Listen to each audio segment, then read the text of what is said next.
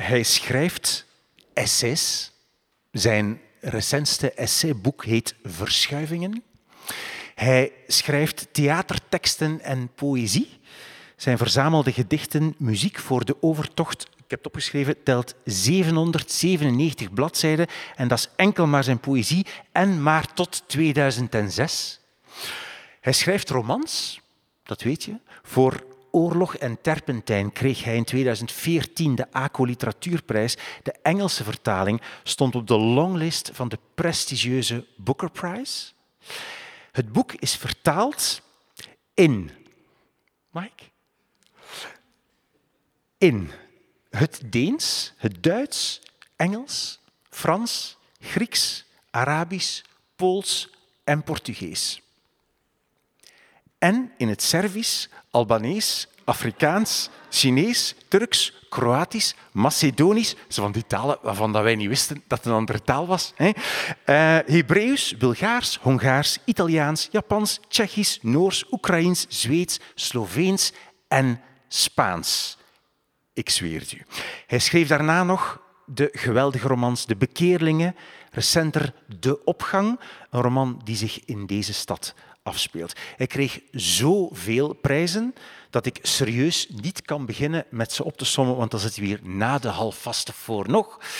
Dames en heren, hij is geslagen tot commandeur in de kroonorde en vooral hij heeft drie boeken gekozen die wij naast zijn eigen werk ook moeten gelezen hebben. Onze gast in drie boeken vanavond, Stefan Hertmans.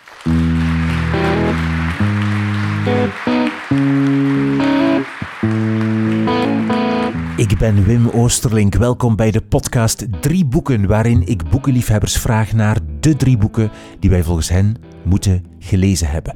Wil je de nieuwsbrief van deze podcast ontvangen? Die heet Drie Dingen. Er staan persoonlijke boekentips in en nieuws over de podcast en nog veel meer.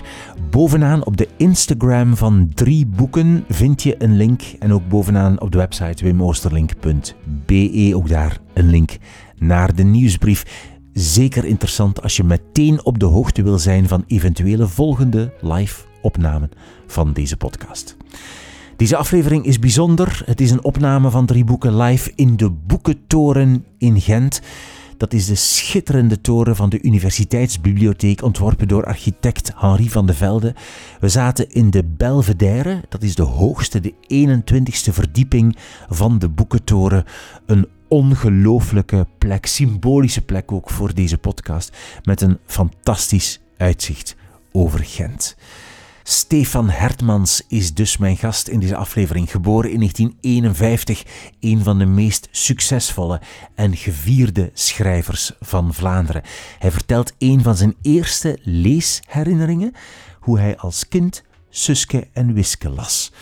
Over hoe hij vroeger zijn boeken per thema plaatste in zijn boekenkast en over de ziel van zijn bibliotheek. Hij vertelt hoe zijn schrijverschap begon toen hij als jonge tiener passerende boten op de Schelde beschreef.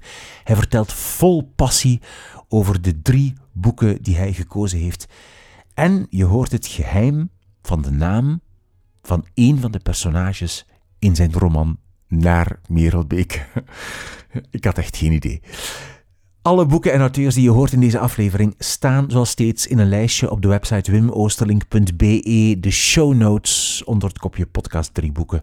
De show notes dus bij deze aflevering. En dan nu veel luisterplezier met de drie boeken die je moet gelezen hebben volgens Stefan Hertmans. Live vanuit de Boekentoren in Gent. Goedenavond, Stefan. Goedenavond. Wat is jouw band met deze plek? Met de boekentoren of met de universiteitsbibliotheek? Ja, ik uh, liep daarnet door uh, de benedenverdieping en ik zag mezelf plots weer in 72, het jaar waarin ik aan mijn, zoals dat nu heet, masterthesis moest beginnen, zag ik me weer zitten uh, bladeren in, in de, de fichebakken en kijken naar wat ik wou ontlenen en wat ik wou lezen en noem maar op. Ik heb hier dus gedurende meer dan anderhalf jaar ook beneden in de leeszaal zitten werken. Dus ik ken het heel goed. Bovendien herinner ik mij nog altijd dat we van de Universiteit Blandijn keek je eigenlijk op de binnenkoer. Je keek als het ware uh, naar de plek waar je kon werken voor je thesis. Dat herinner ik me nog zeer goed. Ja. Ja. Het, eh, er zijn hier ook heel veel archieven, zoals Hendrik ook al zei, of naar verwees. Eh, onder meer het archief van Adriaan Verhulst zit hier, eh, die in jouw roman De Opgang een eh, belangrijke rol speelt. Hè? En ook Karel Dierik, zijn archief, dat is een vriend van jou? Of, eh? Ja, ik, ik weet ervan dat de weduwe van Karel Dieriks, de zeer onderschatte Renze Schilder, ehm, zijn echtgenote er alles aan heeft gedaan. Zij is altijd ook hoogleraar geweest aan de universiteit hier. om zijn archief te laten in veiligheid brengen. En dat is inderdaad gebeurd, dat archief Ja. is hier. Ehm, blijft nog natuurlijk ook eh, de gigantische collectie schilderijen en beelden die nog moeten geïnventariseerd worden voor een stuk. Ja. Heb ik het je lastig gemaakt met mijn vraag van de drie boeken? Ik, ik heb je vervloekt, dat is een feit. Echt? Ik heb een kleine 10.000 boeken en dan vraagt iemand, kies er drie uit. Je moet weten, ik heb een hekel aan mensen die u vragen, wat is uw favoriet boek? Dan denk ik, dat betekent het verraad aan je hele bibliotheek. Want elk boek is een ander boek waard. En mensen die maar van één boek houden, dat kennen we, dat zijn fundamentalisten. Dus als iemand u nog vraagt welk boek neemt, meeneemt naar een eiland, dan zegt u geen enkel als ik mijn bibliotheek niet mag meenemen. En anders zal ik er wel aan denken en zal ik proberen, zoals Anna Akhmatova deed, alles uit mijn hoofd te leren. Want uh, tenslotte is het onmogelijk om te kiezen. Dus dat betekent dat de boeken die ik mee heb, zijn drie boeken die mij heel dierbaar zijn en waarover ik graag vertel. Maar het zijn niet de drie boeken. Zoals je weet heb ik je ook op een bepaald moment, twee, drie weken geleden, nog gezegd, ik wil er eentje omwisselen. Uh, toen ik je dat net had laten weten, dacht ik, ik wil er nog één omwisselen. dacht ik, jou nu maar op, dat is goed. Uh, je moet een beetje fatalistisch. uh, je, je bent schrijver. Lees je veel? Ja, ik lees constant, ja. ja. Ik ben niet zo'n schrijver die gaat zitten om te schrijven. Ik ga mijn werkkamer binnen, ik begin te lezen, ik pak iets uit de rekken of noem maar op, ik blader, ik kijk naar dingen. En het schrijven ontstaat daaruit heel vaak. Ah, dus het lezen is, uh, roept het schrijven op of roept de andere woorden die je zelf schrijft op, ja, inspireert. In de, in de eerste plaats wil ik in mijn bibliotheek zijn. Ja, die zit een beetje verspreid in het hele huis inmiddels. Maar uh, ja, dat mooie woord van Walter Benjamin. Ik heb mij de het paradijs altijd voorgesteld als een soort bibliotheek. Dat, uh, dat geldt voor mij ook. De bibliotheek brengt rust. En dat is als je uit een file komt, als je uh, stress hebt gehad in de wereld waarin wij leven.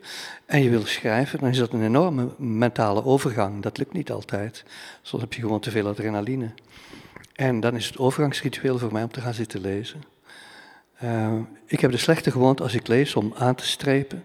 Jij zei daarnet dat we 65 kilometer uh, boeken naast elkaar kunnen stellen. Ik denk dat ik inmiddels met mijn potlood op die 55 of 60 jaar lezen ongeveer toch de omtrek van de aarde heb getekend met mijn potlood. dus ik kan niet lezen zonder potlood. Een boek wat ik gelezen heb, dat kan niet meer door een ander worden gelezen.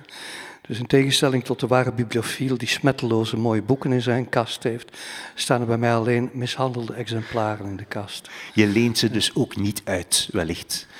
Ik leen ze soms uit en zie ik ze nooit meer terug. Een herkenbaar, uh, herkenbaar fenomeen.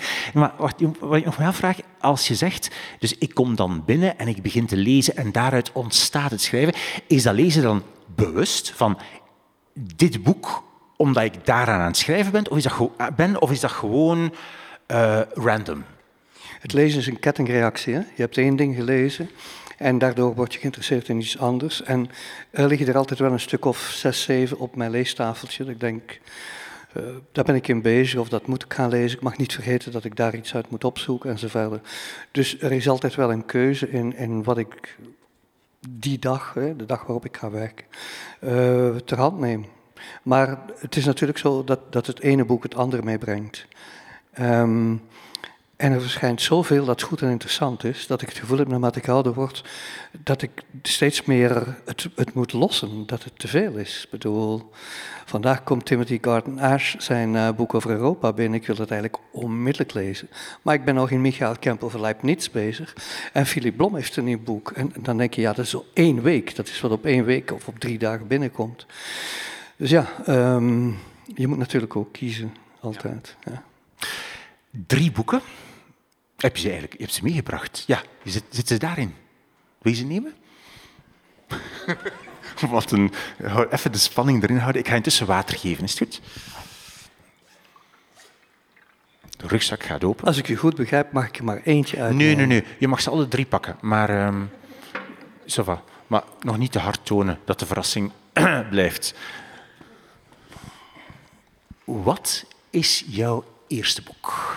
Ja, ik ga ze een beetje in een soort historische volgorde doen, toch? En dan is uh, Roberto Calasso, de, de bruiloft van uh, Cadmus in Harmonia, het eerste wat ik heb meegebracht. Dus Roberto Calasso, de bruiloft van Cadmus en Harmonia. Wat is dit voor iets? Wat is dit voor een boek? Eerst even de auteur introduceren. Roberto Calasso is um, heel zijn leven uitgever geweest van de zeer prestigieuze, mooie uitgeverij Adelphi um, in Milaan.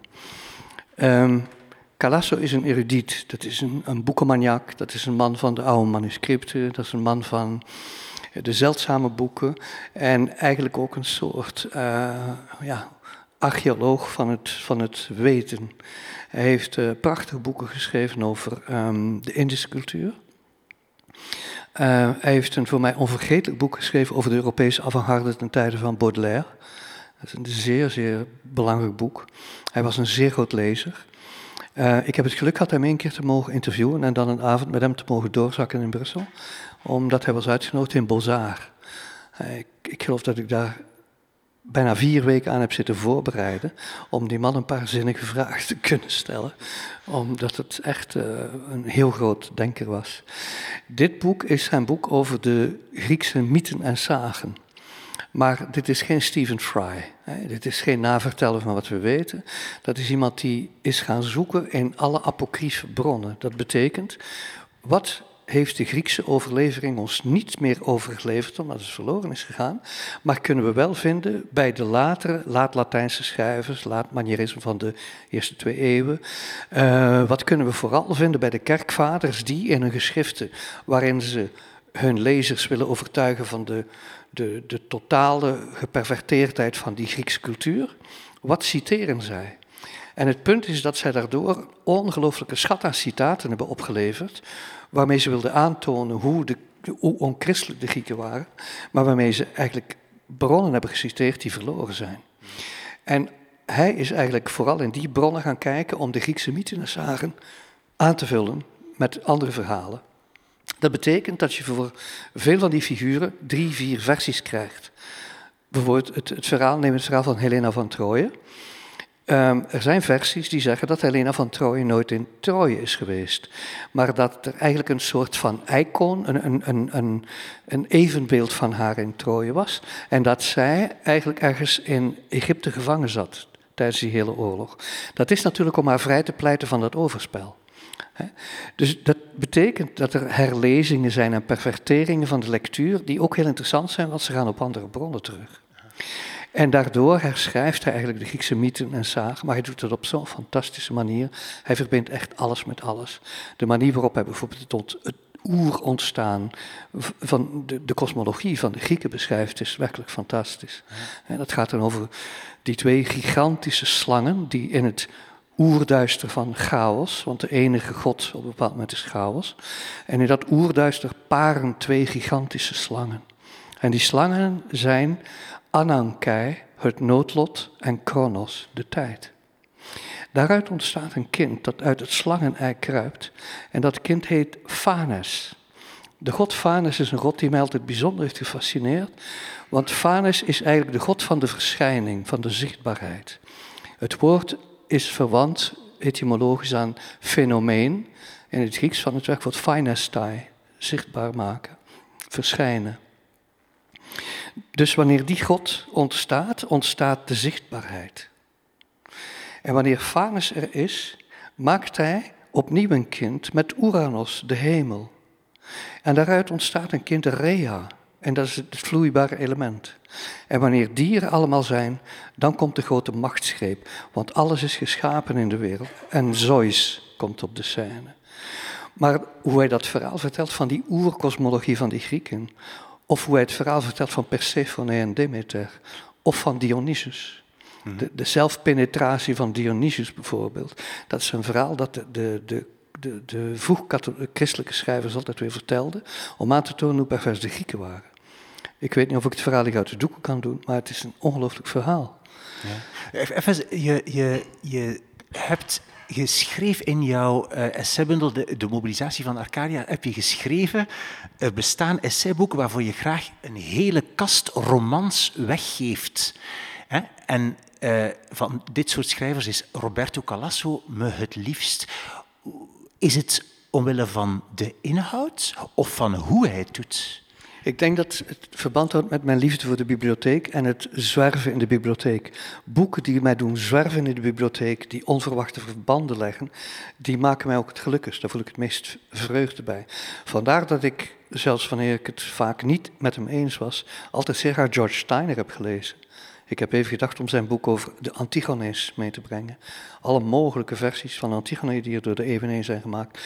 Ik lees dus zeer graag boeken die handelen over de bibliotheek. En daarin is Calasso onovertroffen. Ja. Toen je zei, je zei net van, je hebt hem ontmoet, je hebt hem geïnterviewd in Bozar. Uh, je hebt er weken aan voorbereid. Was je dan zenuwachtig zoals ik nu? Uh, ik was veel zenuwachtiger dan jij nu. Ik vind dat jij niet voldoende zenuwachtig bent. Sorry, ik. en vindt u niet dat hij wel heel cool is? In zo'n ruimte? Je bent zo cool. maar ze, weten dat allemaal al, lekker cool. Nee, maar uh, uh, als je zegt van... Ik, wou, ik heb dan echt zo weken nagedacht om hem een vraag te stellen? Nee, ik heb niet weken nagedacht, ik heb weken gelezen. Gelezen, ja. Ik heb gewerkt, aantekeningen gemaakt. Ja. Wat, wat wou je dan van hem weten? Oh, ik zou moeten kijken. Het zou best kunnen dat in dit boek nog mijn vragenlijstje voor hem zit. Het zou me niet verbazen. Ja. Ja, ik denk het wel. Hier zitten al mijn vragen nog. Okay. Uh, wij spraken Frans, omdat mijn Italiaans niet bepaald goed is. En um, ik heb eigenlijk nooit een, een, echte vaste vragenlijst wanneer ik zo'n schrijver interview. Maar ik probeer wel zo goed mogelijk voorbereid te zijn. En als je heel goed bent voorbereid, dan gooi je in het gesprek en dan ga je in op, op wat de spreker zegt. Ik heb een hekel aan mensen die je interviewen en je bent midden in je verhaal. Bij de, in de media kunnen ze dat heel goed. Iemand is een ongelooflijk verhaal aan het vertellen en die stopt daar veel emotie in. En er wordt een vraag gesteld die daar geen verband mee heeft. En je voelt die spreker compleet platvallen, want die heeft iets van, ja, ik was u wel iets aan het vertellen of zo. Ja. Dat wil ik natuurlijk altijd vermijden, dus ik wil meegaan met de spreker. Maar soms kun je dat niet omdat de spreker dan uitgaat van een eruditie die heel onvoorbereid op je bord komt. En zeker met Calasso was dat zo. Uh, maar het was een fantastisch gesprek. Hij was in de wolken en we zijn uh, in contact gebleven. heeft mij een uitgave van dit boek geschonken, die ongeveer 50 bij 80 centimeter groot is. Huh? Uh, ja, hij is uitgever zelf, dus hij kon zijn eigen speelgoedjes maken natuurlijk. Dus hij heeft zijn eigen boek uitgegeven in een soort in een enorm formaat. Ik, ik, heb dat nog altijd, ik overdrijf een beetje, het is geen 80 centimeter. Maar het zal toch wel uh, eh, 50 zijn. Ja. en het was dus een goede ontmoeting. Want natuurlijk altijd gevaarlijk om iemand die je heel erg bewondert, wat duidelijk zo is, om die dan te ontmoeten, maar hij heeft niet teleurgesteld. Mijn ervaring is dat schrijvers die geïnterviewd worden en die zich geven een interview, er niets aan hebben dat men hen bewondert. Ze hebben er iets aan om te voelen dat iemand hen gelezen heeft. Bewondering is gratis, daar, heb je, daar koop je niks voor. Um, mijn ervaring is zelfs dat mensen die met heel bewonderende uh, quotes binnenkomen, die hebben mij slecht gelezen en die zijn bang. En dat is ook zo. En je ziet dat ook vaak in, in uh, boek, uh, literaire festivals. Dat wanneer de interviewer ongelooflijk begint bloemetjes te gooien, dan is hij slecht voorbereid. Zoals ik daarnet. Nee, nee, u bent goed voorbereid, dat weet ik. U citeert mij al meteen, dus Een goed citaat. Um, jouw recentste boek, recentste uh, is een essaybundel, uh, Verschuivingen, straks kop. Uh, als je essays schrijft, zoals bijvoorbeeld in dit boek, um, laat je je dan stilistisch inspireren door Calasso? Denk je aan hem?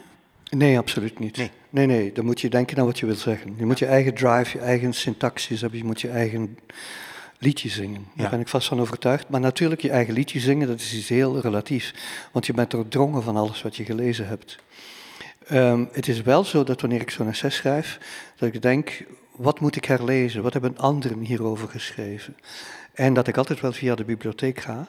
Niet, zoals men soms denkt, omdat ik wil geleerd doen, maar omdat ik mijn plaats wil kennen in de wereld. En dat ik eigenlijk uit bescheidenheid ook wil zeggen, ik zeg dat niet als eerste. Dat heeft iemand al gezegd, daar. Dus daarom citeer je als schrijver, omdat je van de bibliotheek houdt. Hè? Ja, ja. Maar het is niet zo dat je zegt van, goh, Calasso, dat is echt mijn voorbeeld als essayist. Ik denk dat het een heel slecht idee is om te proberen schrijven zoals een ander schrijft.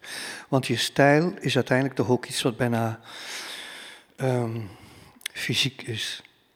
Uh, de filosoof Adorno gebruikte daar een mooi woord voor. Het is idiosyncratisch. Dat betekent, het komt vanuit jouw manier van zijn, vanuit jouw karakter, vanuit jouw achtergrond, vanuit jouw zelfs emotionaliteit, vanuit jouw manier om met geheugen om te gaan en met jouw manier om zinnen te vormen.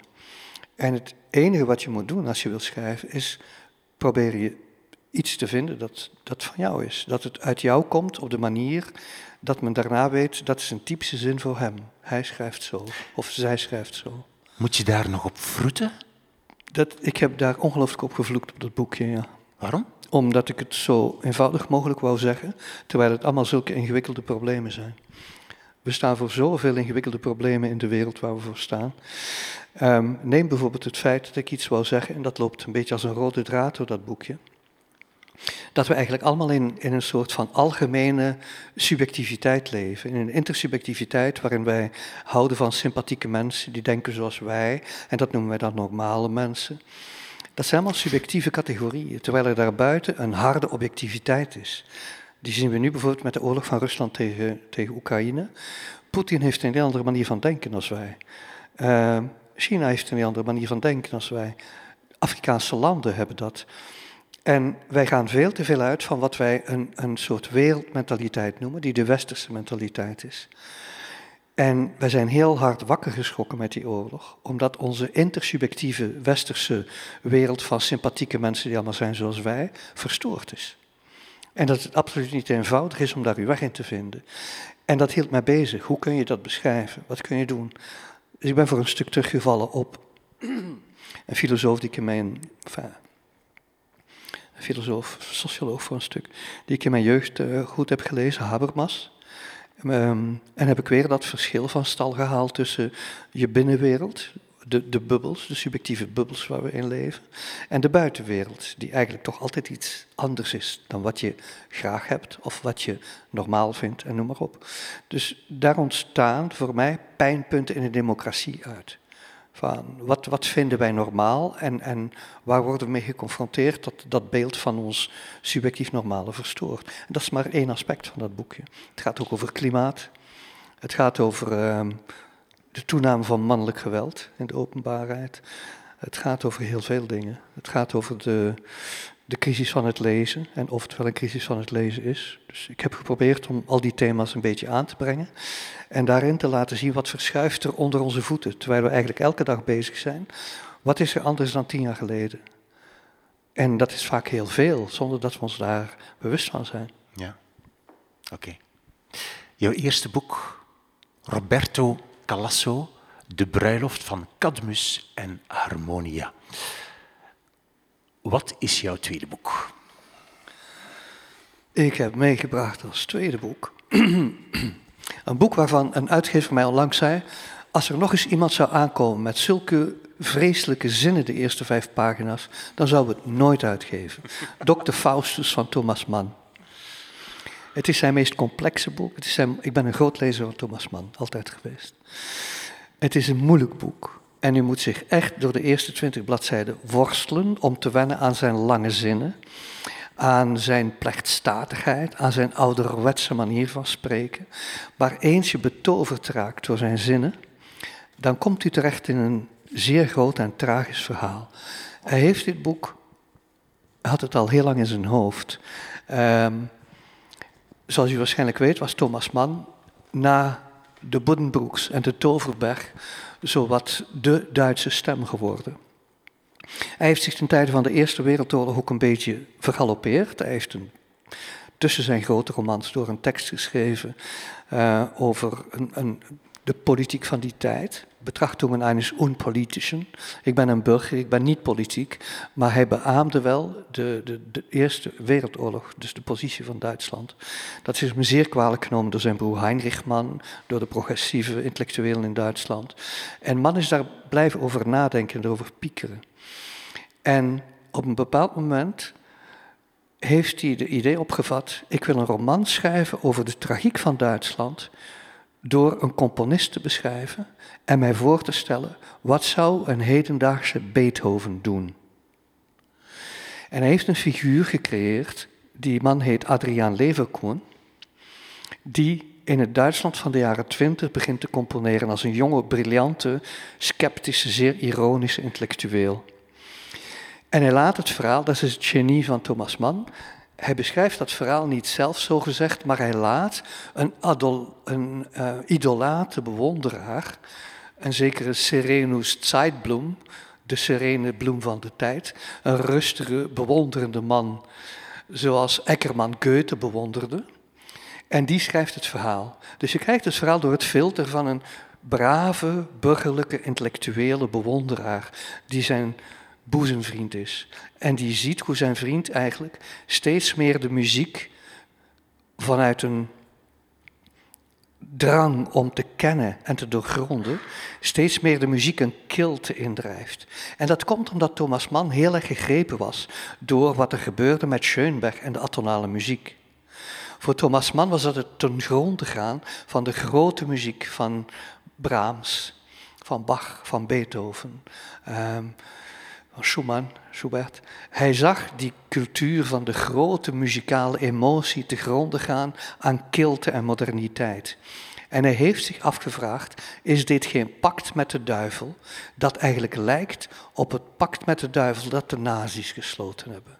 Is dat niet hetzelfde soort van hysterische kou die over ons valt? In deze combinatie, het heeft iets hysterisch en het is kil.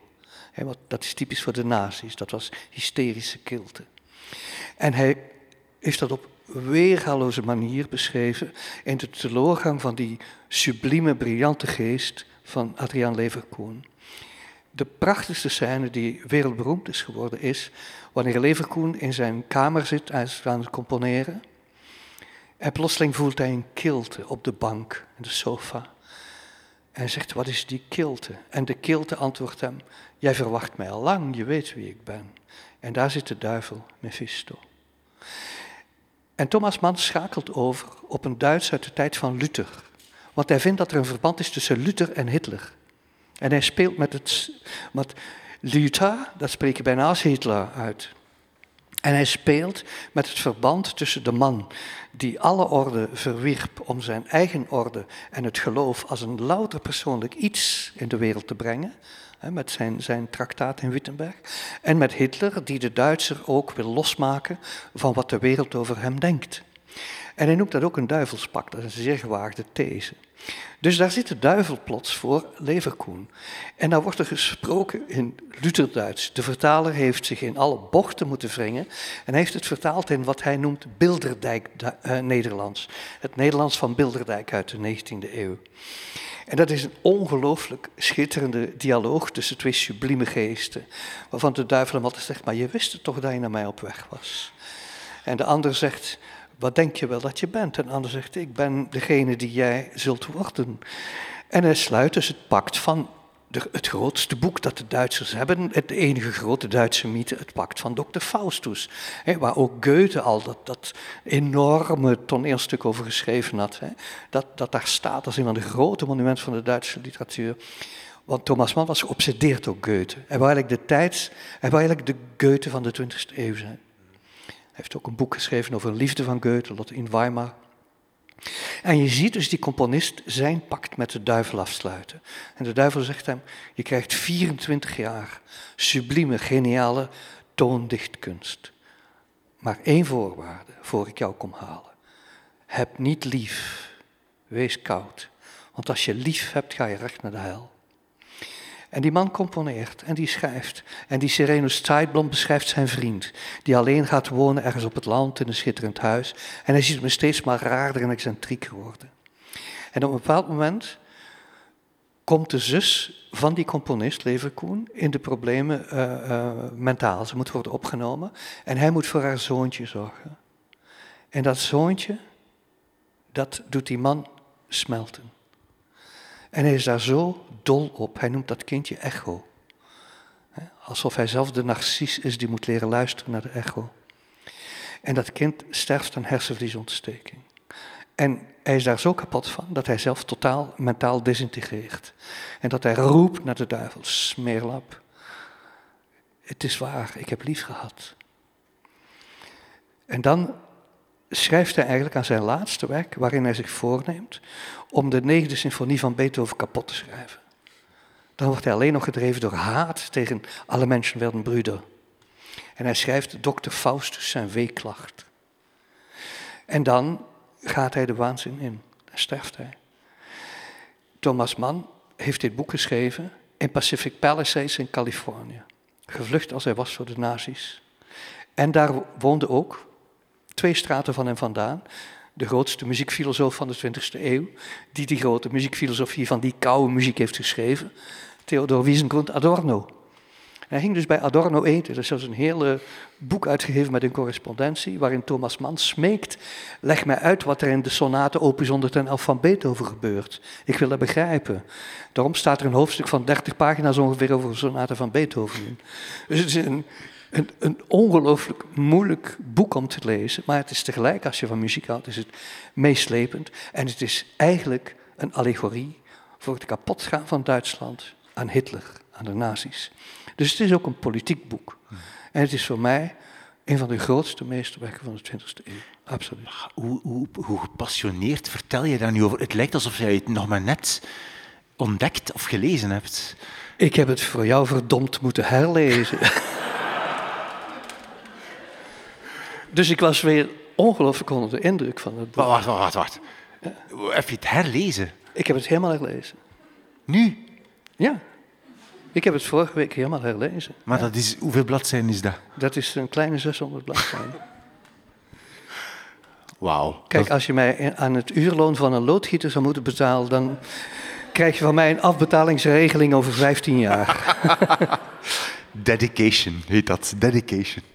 Maar nee, prachtig hoe je daarover... Ik dacht, al, ik dacht altijd dat De Toverberg het, het meesterwerk, het boek was. Maar dit is dus beter, het belangrijker. Is, het is nog veel genialer, maar het is ook veel moeilijker. En het heeft mij altijd geobsedeerd, omdat het natuurlijk een herschrijving is van die Faust van Goethe. Ik kwam op een bepaald moment te weten dat hij zelfs, um, voor hij naar Californië is gevlucht, is hij ook, een beetje overal geweest, maar hij heeft ook in een klein plaatsje aan de Middellandse Zee, aan de Côte d'Azur gezeten, Sanary-sur-Mer.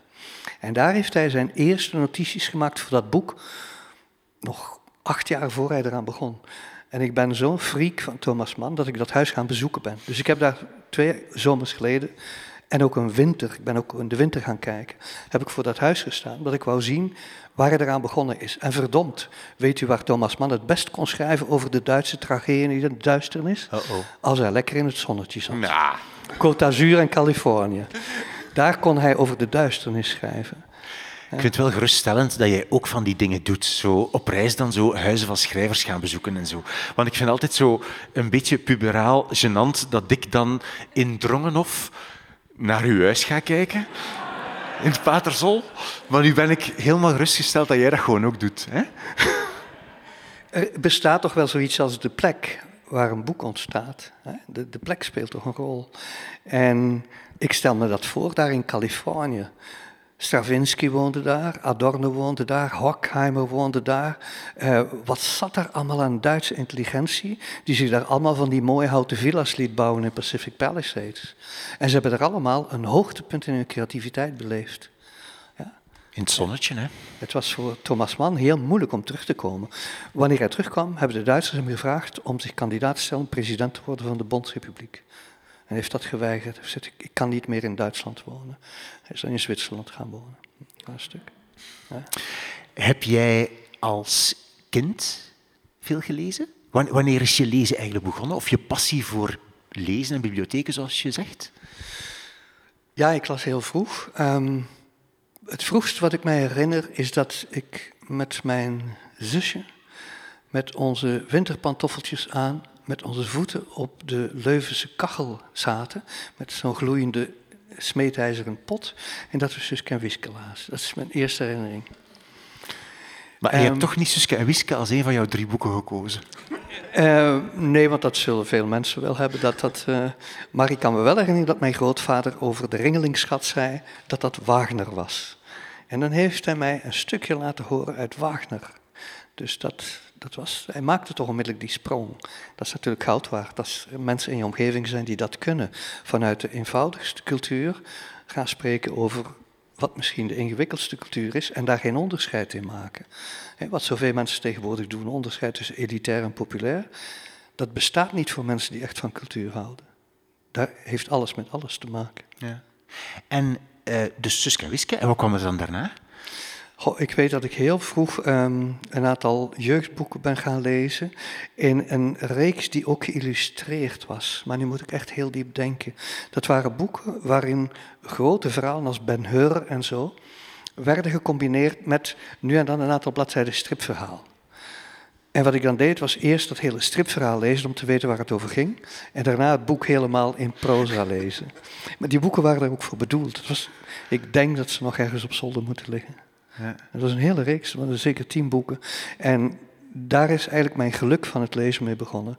En dan heb ik vrij vroeg, um, ik denk dat dat typisch is voor mensen die dan 13, 14, 15 worden, uh, Lampo gelezen. Hubert Lampo Hubert gaan lezen. Dat vond ik fantastisch toen, dat magisch realisme. Dus, en zo klim je op. En wat je, daar, wat je leest is eigenlijk niet zo belangrijk, maar dat je leest, dat is belangrijk. Dat je, terwijl het buiten regent, zegt ik ben de gelukkigste mens ter wereld. Want ik zit te lezen. En het, het zitzfleischglück, zoals de Duitsers dat noemen, komt niet de eerste tien minuten. Dat komt omdat je drie uur hebt gelezen. Dan ben je gelukkig. Ja. Dus het geluk vermeerdert naarmate je langer leest. Naarmate je langer blijft zitten. Daarom noemen de Duitsers dat ook zitzfleisch. En het, het paradijs van het lezen opent zich maar heel traag. Soms, en het is vooral steeds moeilijker om, om over te schakelen, zeker naar zo'n boek waarin zulke lange uh, windingen van zinnen staan. Proest, dat is ook zoiets. Je moet daar echt voor gaan zitten en je moet vertragen. Je moet willen en kunnen vertragen. En dat is niet altijd makkelijk. Dus ik heb wel begrip voor mensen die zeggen, dat lukt mij niet meer. Dat is... Uh, Zoals een, een Hollandse dichter ooit heeft gezegd, we hebben niet meer dat soort zenuwen. We hebben andere zenuwen, we willen kortere zinnen, we willen dat het opschiet. Mensen hadden vroeger meer tijd, er was geen internet, er was geen televisie. Dus ze schreven ook langere zinnen. Ze stonden daar langer bij stil. Mhm. En wanneer je daar wel in afdaalt, dan kom je toch eigenlijk wel in een paradijselijke staat van genade terecht. Ja. ja. Waren er boeken in huis? Dus als, als kind uh, had, hadden jouw ouders een bibliotheek? Ja, ja mijn vader had een, had een bibliotheek. Um, en ik kan me zelfs herinneren dat mijn eerste... Ik heb er net een, een, een stukje over geschreven. Ik wil een, een, groot deel van mijn essays eruit geven in twee mooie delen. En ik heb daar een inleidend essaytje bij geschreven. En dat gaat over hoe ik tot het schrijven van SS ben gekomen. En plots herinnerde ik dat in de voorkamer van het huis waar ik ben opgegroeid, hing een heel vreemd kastje met twee glazen deurtjes. En daarin stond een encyclopedie. En dat kastje was op maat gemaakt door een oom van mij. En die had het voor mijn vader gemaakt, omdat mijn vader zijn geld had gehangen aan een encyclopedie. Die encyclopedie was in twaalf delen en die heette Ency. ENSIE. Eerste Nederlands systematisch ingerichte encyclopedie. Dus die afkorting zei wat het was. En ik weet nog dat toen ik 15, 16 was en eerst naar plaatjes zocht van blote vrouwen, dat ik daarna dacht, ik moet toch eens kijken wat daarin staat. Ik moet er eens beginnen in lezen. En het eerste deel, want ik heb ze nu geërfd van mijn vader, het eerste deel is 150 dicht bedrukte bladzijden wijsbegeerte. Dus de ouderwetse encyclopedie begon niet met de A, alfabetisch. Die begon bij wat ze belangrijk achten, het weten over het weten. Want de wijsbegeerte is tenslotte de discipline die ons leert denken over hoe we moeten denken. En ik kan me herinneren dat toen ik mijn bibliotheek had, toen ik jong was, deed ik wat mijn vader ook deed. Ik zette de boeken die ik graag las samen. Dus het was niet alfabetisch geordend.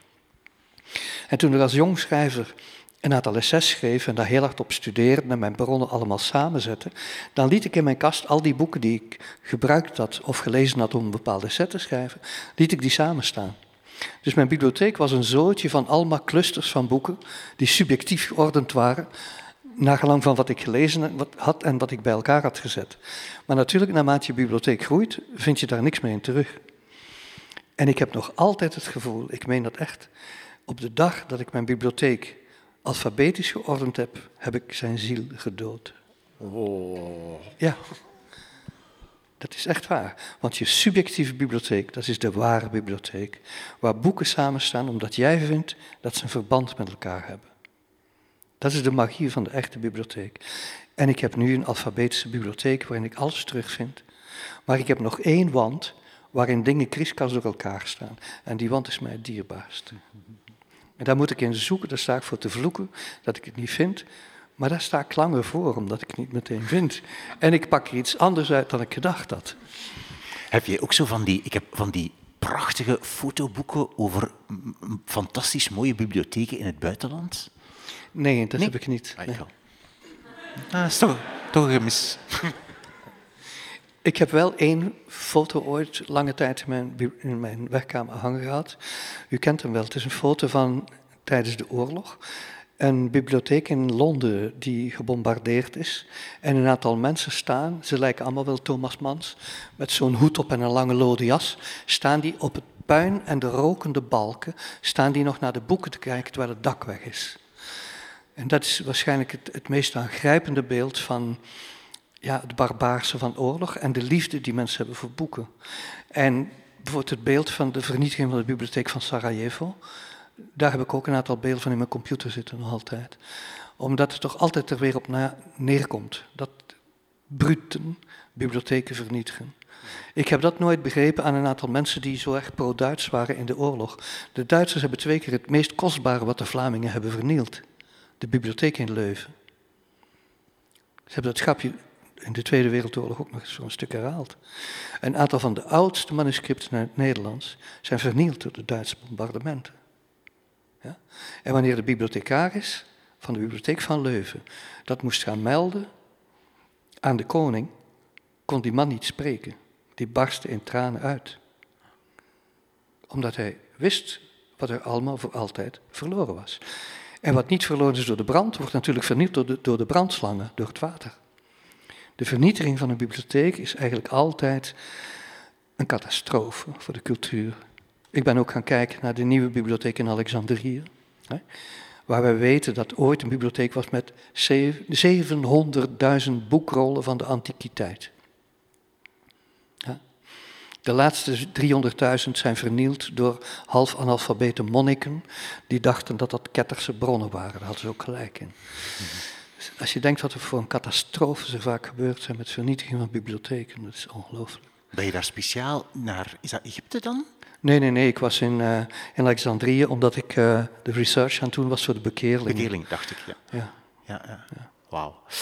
Goed, tweede boek is uh, Man, Thomas Mann, met Dr. Faustus. Wat is jouw derde boek? Hebben we nog even, ja? oh oh. Austerlitz van Winfried Georg Sebald. Maar deze Duitse schrijver haatte zijn Duitse namen zozeer dat hij zichzelf Max Sebald liet noemen. Max Sebald is gestorven in 2001. Hartaderbreuk in de auto. Die auto is ergens tegen de muur geknald. Mijn vrouw had drie jaar uh, geprobeerd om hem in Brussel te krijgen. En een week te, voor zijn dood had hij beloofd dat hij naar Brussel kwam. Ja. En de dood van, van, van heeft mij heel erg aangegrepen natuurlijk. Maar ik las hem al heel vroeg. In mijn SS kun je, ik denk in de vroege jaren negentig al SS vinden over Zebald, over zijn eerste boeken. En dit is zijn pièce de résistance, Austerlitz, gepubliceerd in 2000, hij is gestorven in 2001. Hij wordt beschouwd als een van de grootste schrijvers van de 20e eeuw. Ik vind hem inmiddels groter dan Nabokov. Ik heb hem nu ook helemaal herlezen.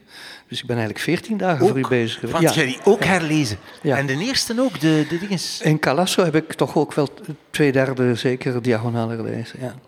Mooi. Oké. als je het wil hebben over liefde voor boeken en je herleest ze niet voor je komt over spreken, dan echt meen je niet wat je zegt. You have to practice what you preach. Vertel, wat is dit voor boek? Austerlitz.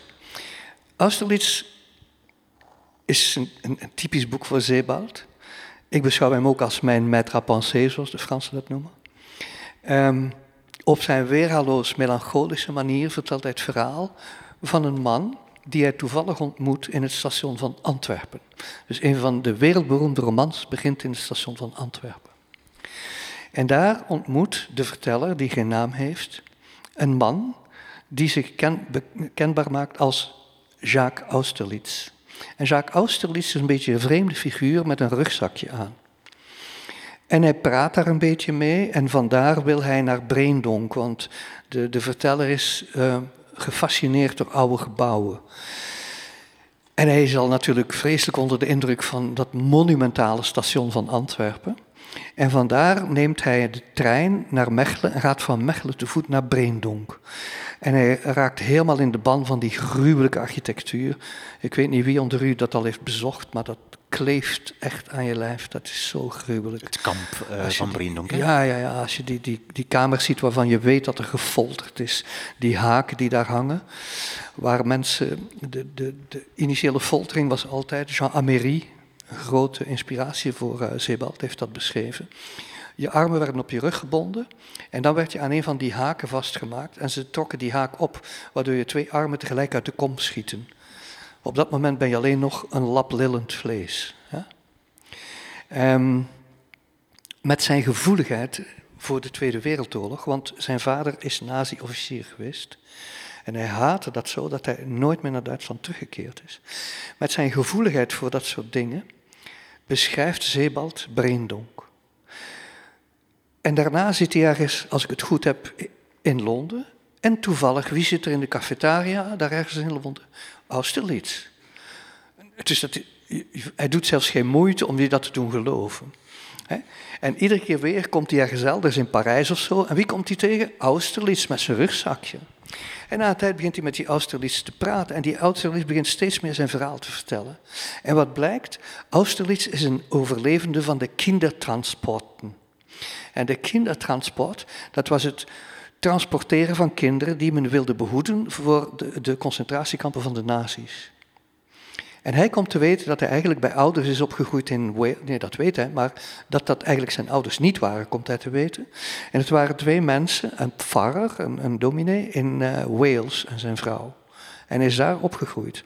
Maar op een bepaald moment zegt een leraar tegen hem, wanneer hij 16 is, vanaf nu mag u de naam David Ilvin niet meer gebruiken.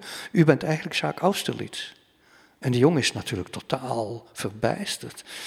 En die man zegt, ik weet verder ook niets, maar dat is uw echte naam. En hij begint op zoek te gaan. En het boek beschrijft eigenlijk de hele zwerfgang, eh, de omzwerving van Austerlitz als een moderne Odysseus op zoek naar zijn ouders. En hij komt dat te weten. En hij komt terecht in Praag bij zijn kindermeisje, dat een vrouw is van 80 jaar. En zij kan hem vertellen over zijn moeder Agatha. En hij wil een beeld van zijn moeder vinden. Dus hij vraagt de beelden op van het concentratiekamp waar zijn moeder is gestorven, Theresienstadt. En hij bekijkt die films in slow motion om te zien of in het publiek zijn moeder niet te zien is. Want Theresienstadt is een ongelooflijk verhaal. Op het moment dat de Duitsers de geallieerden begonnen te vrezen en dat die zouden in de gaten krijgen wat een gruwel ze daar hadden aangericht, hebben ze van Theresienstadt een soort modelkamp gemaakt. En plots mochten die Joodse mensen dan muziek spelen. Er werden stoeltjes gemaakt met hartjes in. Er was een cafetaria. Enfin, het was een modelstad geworden. Een week nadat dat is bezocht door de goedgelovige allieerden, zijn al die mensen de, de gaskamer gestuurd. Dus dat is een van de meest cynische verhalen van alle cynische verhalen die er bestaan over de nazi's.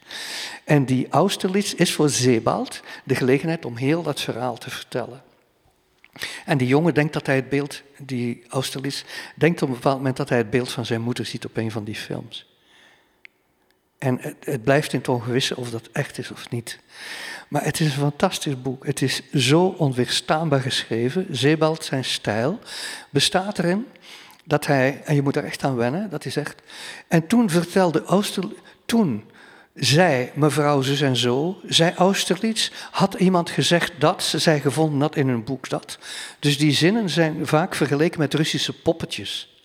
Wat je werkelijk wil weten zit in een zij, hij zegt, ze herinnerde hij zich dat iemand ooit gezegd had. Waardoor je dus eigenlijk nooit bij die ware geschiedenis komt. En je dus steeds meer als lezer wil weten, maar wat is er nu echt van wat jij nu beschrijft en wat niet?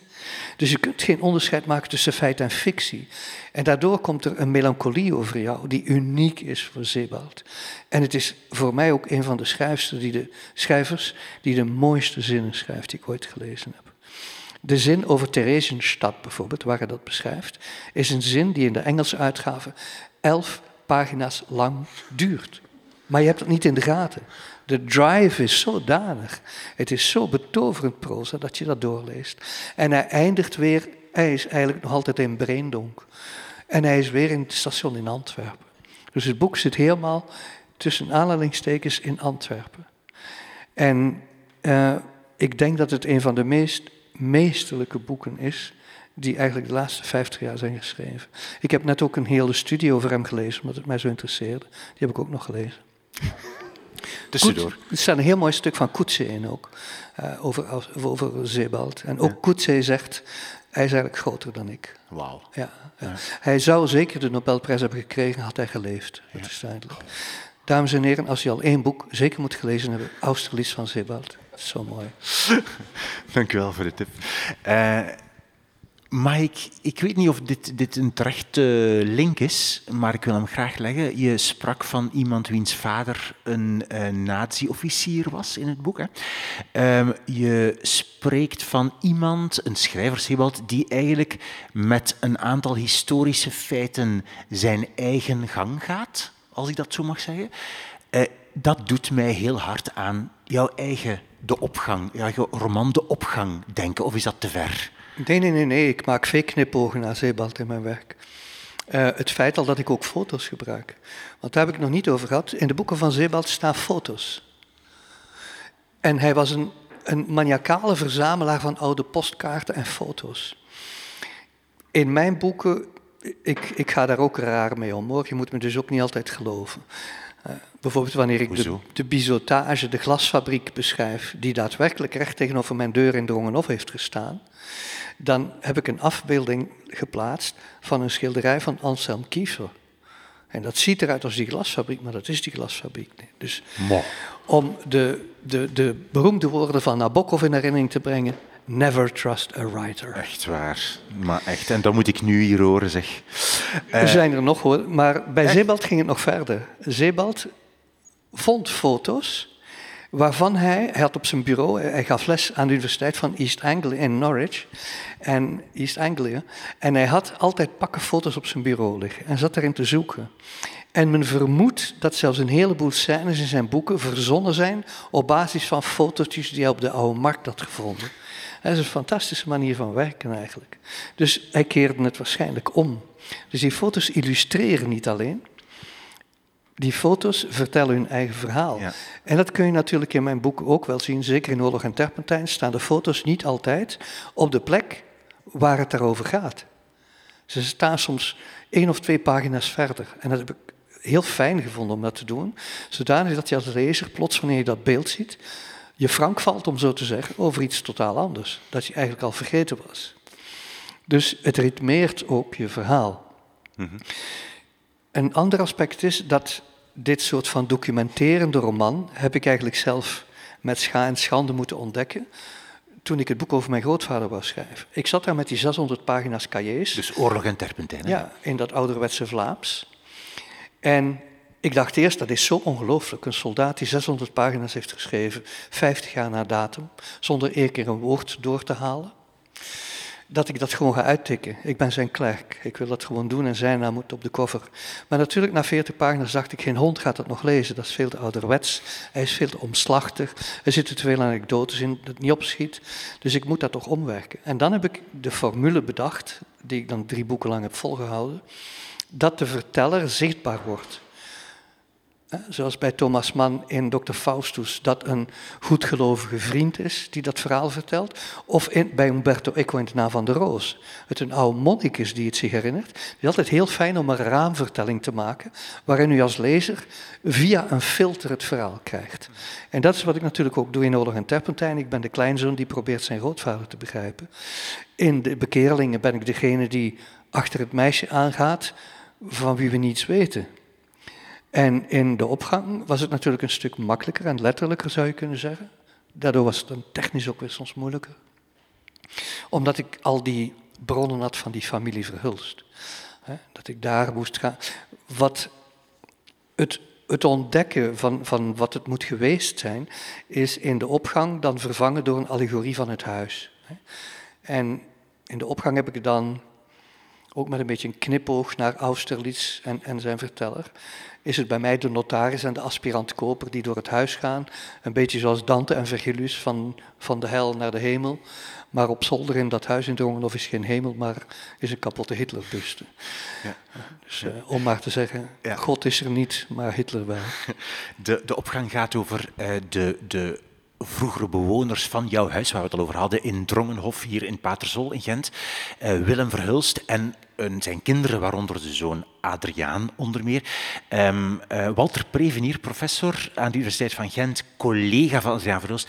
En Walter Prevenier is aanwezig bij ons. Um, hij was eerder te gast in mijn podcast en hij vertelde toen over um, zijn oud-collega Adriaan Verhulst, die in jouw boek dus een rol speelt. En hij voegde eigenlijk uh, aan jouw boek toe als ik dat zo mag zeggen, dat Adriaan Verhulst ook in heel zijn leven als professor en als collega en als vriend bijna nooit repte over die verschrikkelijke daden die zijn vader verricht heeft, namelijk als, ja, als nazi eigenlijk mensen verraden. Hoe kijk, nu zijn nu enkele jaren later, hè, na het boek, hoe kijk jij naar die figuur, naar die Adriaan Verhulst? Ja, ik wil eerst zeggen dat ik zeer verheugd ben dat professor Prevenier is. Ik heb de beste herinnering aan zijn lessen. Een formidabele les voor een heel groot auditorium. Ja, Hij zou... wijde ons in, in de, bronnen, in de bronnen en de kritiek, dat zal ik nooit vergeten. Um, en ik herinner mij uh, Adriaan Verhulst als een beetje een Norse, ingekeerde man. Als een man die um, zich niet gaf. Um, wij hadden allemaal een beetje schrik van hem voor de petite histoire. Ik ben niet door hem gebuist zoals in het boek staat. Dat heb ik verzonnen. Ik ben gebuist door Van Kanegem. Omdat ik bij Van Kanegem letterlijk Winchester en Westminster door elkaar had gehaald van pure nervositeit. en Van Kanegem heeft mij gezegd, mijn goede vriend, kom een keer in september terug als je het verschil tussen Winchester en Westminster kent. Oh. Maar Verhulst was een heel zuinig iemand, een heel onvatbaar iemand. En ik ben met de jaren gaan beseffen hoe gebukt hij daaronder gegaan heeft. Hij was werkelijk, dat moet hem blijven drukken zijn. En hij heeft dat boek natuurlijk op het einde van zijn leven gepubliceerd. Dat moet hem veel moeite hebben gekost. Dus het boek um, uh, Zoon van een foute Vlaming. Pardon, ja, excuseer me. Ja. Zoon van een foute Vlaming is het boek dat hij een paar jaar voor zijn dood heeft gepubliceerd. En waarin hij op pagina 40, geloof ik, letterlijk zegt: In dat huis waar dat alles is gebeurd, woont thans de toen nog jonge Stefan Hertmans. Um, dus ik zat met dat boek in mijn hand. Ik dacht, dat, nu moet ik er wel achteraan. Nu, ik woon in zijn huis, verdomd.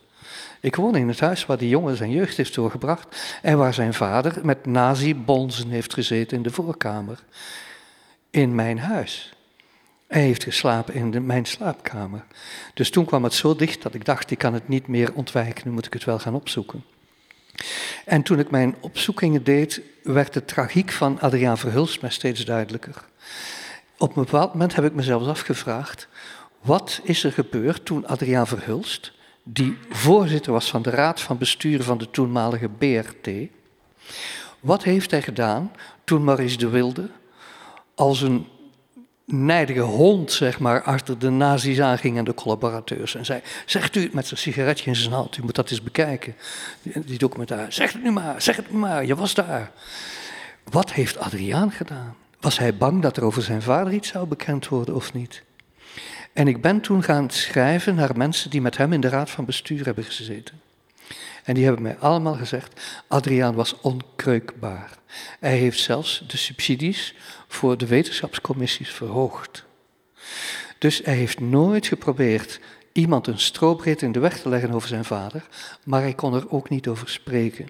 En ik denk dat ik in het boek ook toon dat ik begrip heb voor zijn verdriet in die zin dat hij, en dat is eigenlijk heel onwaarschijnlijk voor zo'n groot historicus, hij heeft nooit de dossiers over zijn vader ingekeken. En wat ik daarin gevonden heb, ik, ik heb het dan wel gedaan, je moet daar toestemming voor vragen. Uh, je moet toestemming krijgen bijvoorbeeld van een academisch onderzoeksgroep, omdat je geen familie bent. En ik moet zeggen dat Bruno de Wever en Koen Aarts daarin fantastisch geweest zijn. Die hebben mij zeer collegiaal dan ook meteen een aanbeveling geschreven. En dan moet je van de familie ook een schriftelijke toestemming hebben. Dus eens ik die had, was ik de eerste die gezien heeft wat een schoft Willem Verhulst geweest is. Van de 550 Joden in, in Gent heeft hij er zeker de helft naar Dolcijn kazerne gestuurd. En Dolcijn was voorgebochte van de hel. Um, hij liet mensen op, nee, op, oppakken die uh, pacifist waren. Mensen die um, uiteraard Engelsgezind waren. Mensen van de weerstand. Ik heb zelfs iemand teruggevonden die tot grote emotie van um, Herman Balthazar zijn stiefvader geweest is. Die Edmond Terras, die ik opvoer in het boek, was een grote weerstandsman en die is opgenomen. En ik heb kunnen ontrafelen dat het eigenlijk iemand moet zijn die op de lijst van Willem Verhulst is terechtgekomen. Dus al die pijnlijke dingen die Adriaan als historicus had kunnen opzoeken over zijn vader, en die hij niet heeft opgezocht. God ja, ik heb wel mededogen met hem. Het was zijn vader. Ik zeg het ook letterlijk in het boek. Het zal maar je vader zijn. Veel kinderen van nazi's zijn vaak een halve generatie lang met de vinger gewezen. Die kinderen kunnen daar niet aan doen. Maar die kinderen zeggen natuurlijk, wat ook Letta, de oudste dochter van Willem Verhulst, mij zei. Op het ogenblik dat de eerste recensie verscheen in de morgen van de opgang.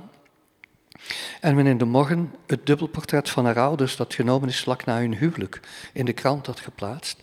En Letta, nu 90 jaar, zit de krant te lezen en ze belt mij en zegt, Stefan, papa en mama staan in de krant. Ja, ik schoot echt vol op dat moment. Ik dacht, verdomd, het zullen toch maar je ouders zijn. Die vrouw was op dat moment 87, papa en mama staan in de krant. En de kleinkinderen, die fantastische mensen zijn, die zeiden het is voor ons heel hard, want hij was zo'n lieve grootvader. Dus dat moet je natuurlijk allemaal door. Dus het verschil was natuurlijk met Oorlog en Terpentijn en de bekeerlingen, dat ik hier moest rekening houden met een familie die ik gewoon in de tocht gezet heb. Die mensen moesten dat dragen. En die hebben dat met grote waardigheid gedragen. En Letta heeft mij letterlijk gezegd, dat was voor mij een heel belangrijk moment, ehm, ik kan nu rustig sterven. Ik weet dat hij een schoft was. Ja. Wow. Ja, dus in die zin, omdat je vraag ging over Zeebald, dan begrijp je dat Zeebald een beetje mijn meester is in die dingen. Hij heeft mij getoond hoe je daarover kunt schrijven. En hoe je ook tegelijk kunt laten voelen aan de lezer, we zullen het nooit weten, maar we kunnen het wel navoelen. We kunnen wel ons voorstellen wat die ervaring is geweest.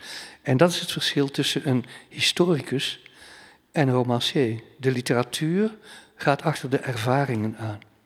En de historicus gaat achter de feiten en analyses aan. Maar de schrijver gaat achter die vreselijke vraag aan: hoe is het voor die mensen geweest in hun innerlijk? In jouw roman In Merelbeke? Naar, naar Merelbeke, sorry, excuseer, naar Merelbeke. Um, heeft um, de hoofdpersoon van zijn nonkel een uh, cahier, een schrift ge ge gekregen om op te schrijven wat hij meegemaakt heeft. En hij zegt, ik ga het even citeren als ik mag, hij zegt, maar ik vatte het plan op in mijn cahier een verhaal neer te schrijven waarin ik dingen zou vertellen precies zoals ze me overkomen waren. Maar dat ik tegelijk die dingen ook zou vervalsen, versterken met verzinsels van allerlei aard, opdat niemand zou weten waar de dingen stonden die me echt pijn hadden gedaan. Voilà mijn persoonlijke poëtica. Dat was mijn vraag. Nee, ik vond dat heel mooi, omdat je natuurlijk... Ja, gaat dit over, over jezelf? Het gaat zeker over dat jongetje. Ik, ik had als ondertitel voor Na Merelbeke de memoires van een kleine leugenaar. Memoires van een leugenaar lijkt me dat is bijna iets voor, voor, voor een Russische schrijver of zo. Ehm, ja, het is wel zo dat heel veel indrukken van mijn jeugd, bijvoorbeeld die tweetaligheid in mijn familie, met die familie in, in Tournai, in Doornik, Doornik dat, dat is allemaal authentiek. Um, die oom, die, die in mijn boek uh, Doresta Kaxi heet, dat is eigenlijk platgrens. Hij heet eigenlijk Doresta Kaxi. maar niemand snapt dat. dus Doresta Kaxi, dat is natuurlijk Ecce Homo. Vandaar dat die man een Christuscomplex heeft. Oh oh god echt. Ja, het zit, het zit, het zit vol met uh, grappen.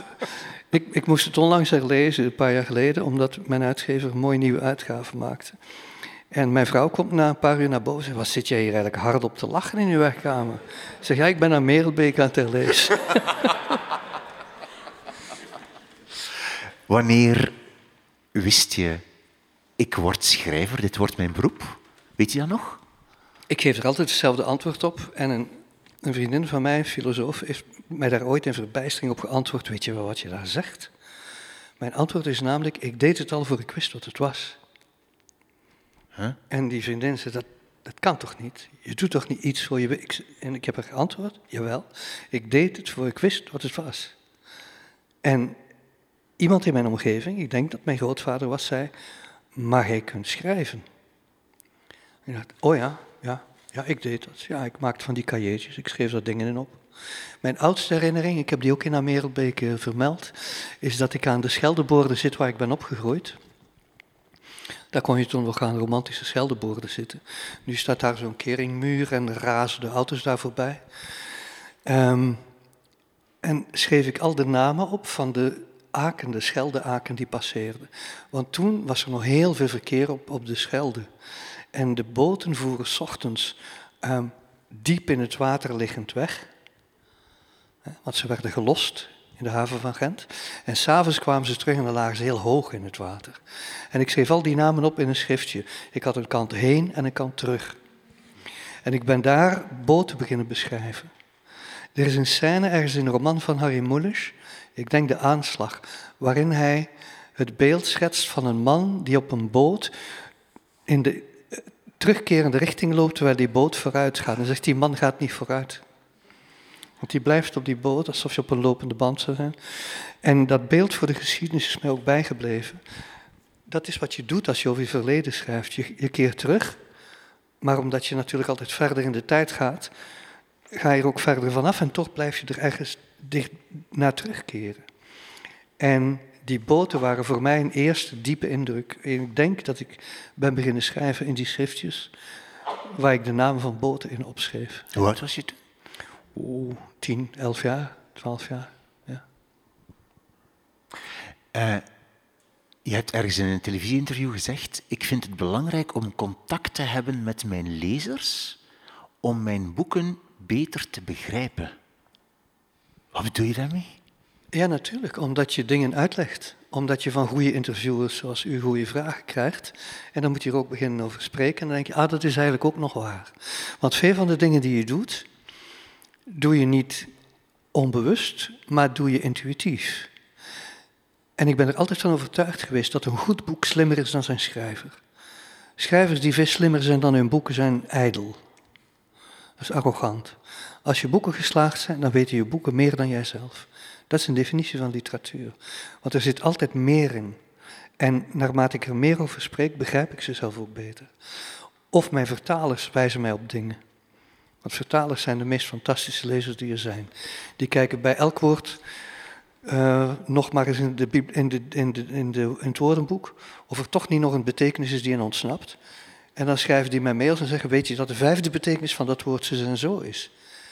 Dan denk ik, shit, nee, daar had ik niet aan gedacht. Maar nu je het zegt, dat trilt daar eigenlijk wel in mee.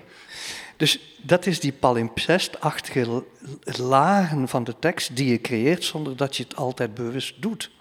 Dus je boeken zijn mosselbanken. Er kleeft steeds meer betekenis aan, naarmate ze langer bestaan. En ze worden met de jaren ook evidenter. Toen Alain Robbe-Grillet al een bepaalde leeftijd had. De, de, man die berucht is geworden met zijn nouveau romans, die men als hermetisch en elitair en onbegrijpelijk beschouwde.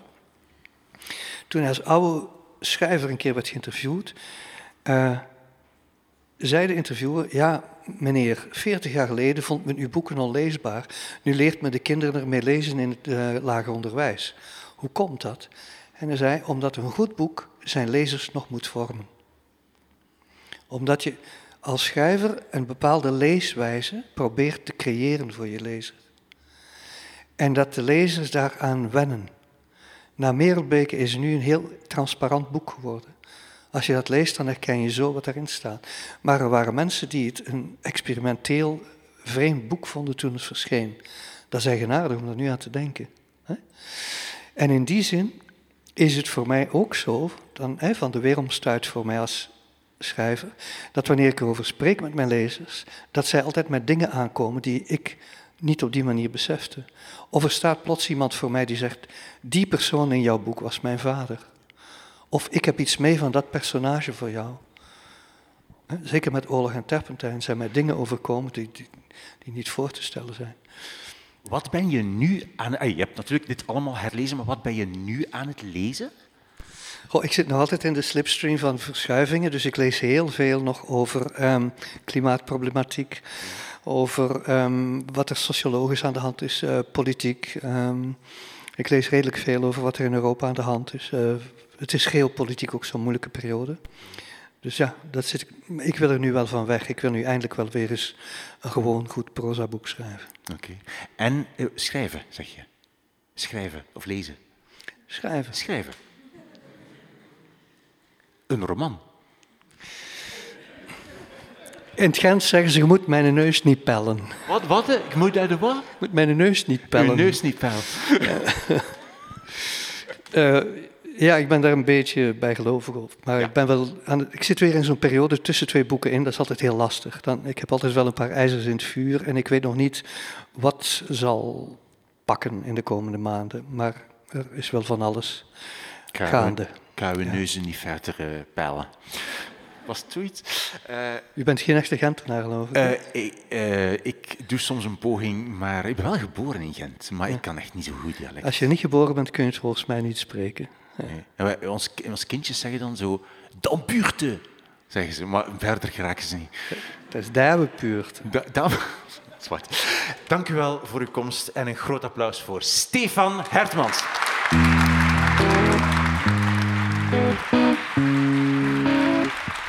Dit was mijn gesprek met Stefan Hertmans, live vanuit de Belvedere, de bovenste verdieping van de monumentale boekentoren in Gent. Je kon ter plaatse boeken kopen en het was opvallend hoeveel mensen het boek Austerlitz van Sebald hebben gekocht. Wij hebben nog iets gedronken met z'n allen samen beneden en iedereen kwam zeggen hoe geweldig Stefan Hertmans toch kan praten over zijn boeken. Wat een passie. Als je bij een eventuele volgende live-opname van drie boeken wil zijn, moet je snel zijn, bleek de eerste keer. Moet je zorgen dat je er op tijd bij bent. Dus is het goed om drie boeken op Instagram te volgen en om de nieuwsbrief in je mailbox te krijgen. Je kan je daarvoor aanmelden op wimoosterlink.be. Wil je mijn plezier doen? En vandaag of morgen aan twee bevriende boekenliefhebbers laten weten dat ze ook eens naar deze aflevering moeten luisteren. Door het via WhatsApp naar hen te sturen, bijvoorbeeld. En als je de podcast sterren geeft, of zelfs een recensie in de app waar je nu aan het luisteren bent, dan helpt dat ook om de podcast te verspreiden. Dankjewel daarvoor. Veel dank aan Hendrik de Voort, Lutte Neven, Dries Moreels van de Boekentoren en aan Anne de Jager, David Trog en Cato de Lange voor de fantastische hulp. Zonder hen was deze live-opname er niet geweest. En dank aan jou om te luisteren. Ik ben Wim Oosterlink. Dit is de podcast Drie Boeken. Dankjewel voor het luisteren en voor het delen. En tot de volgende keer.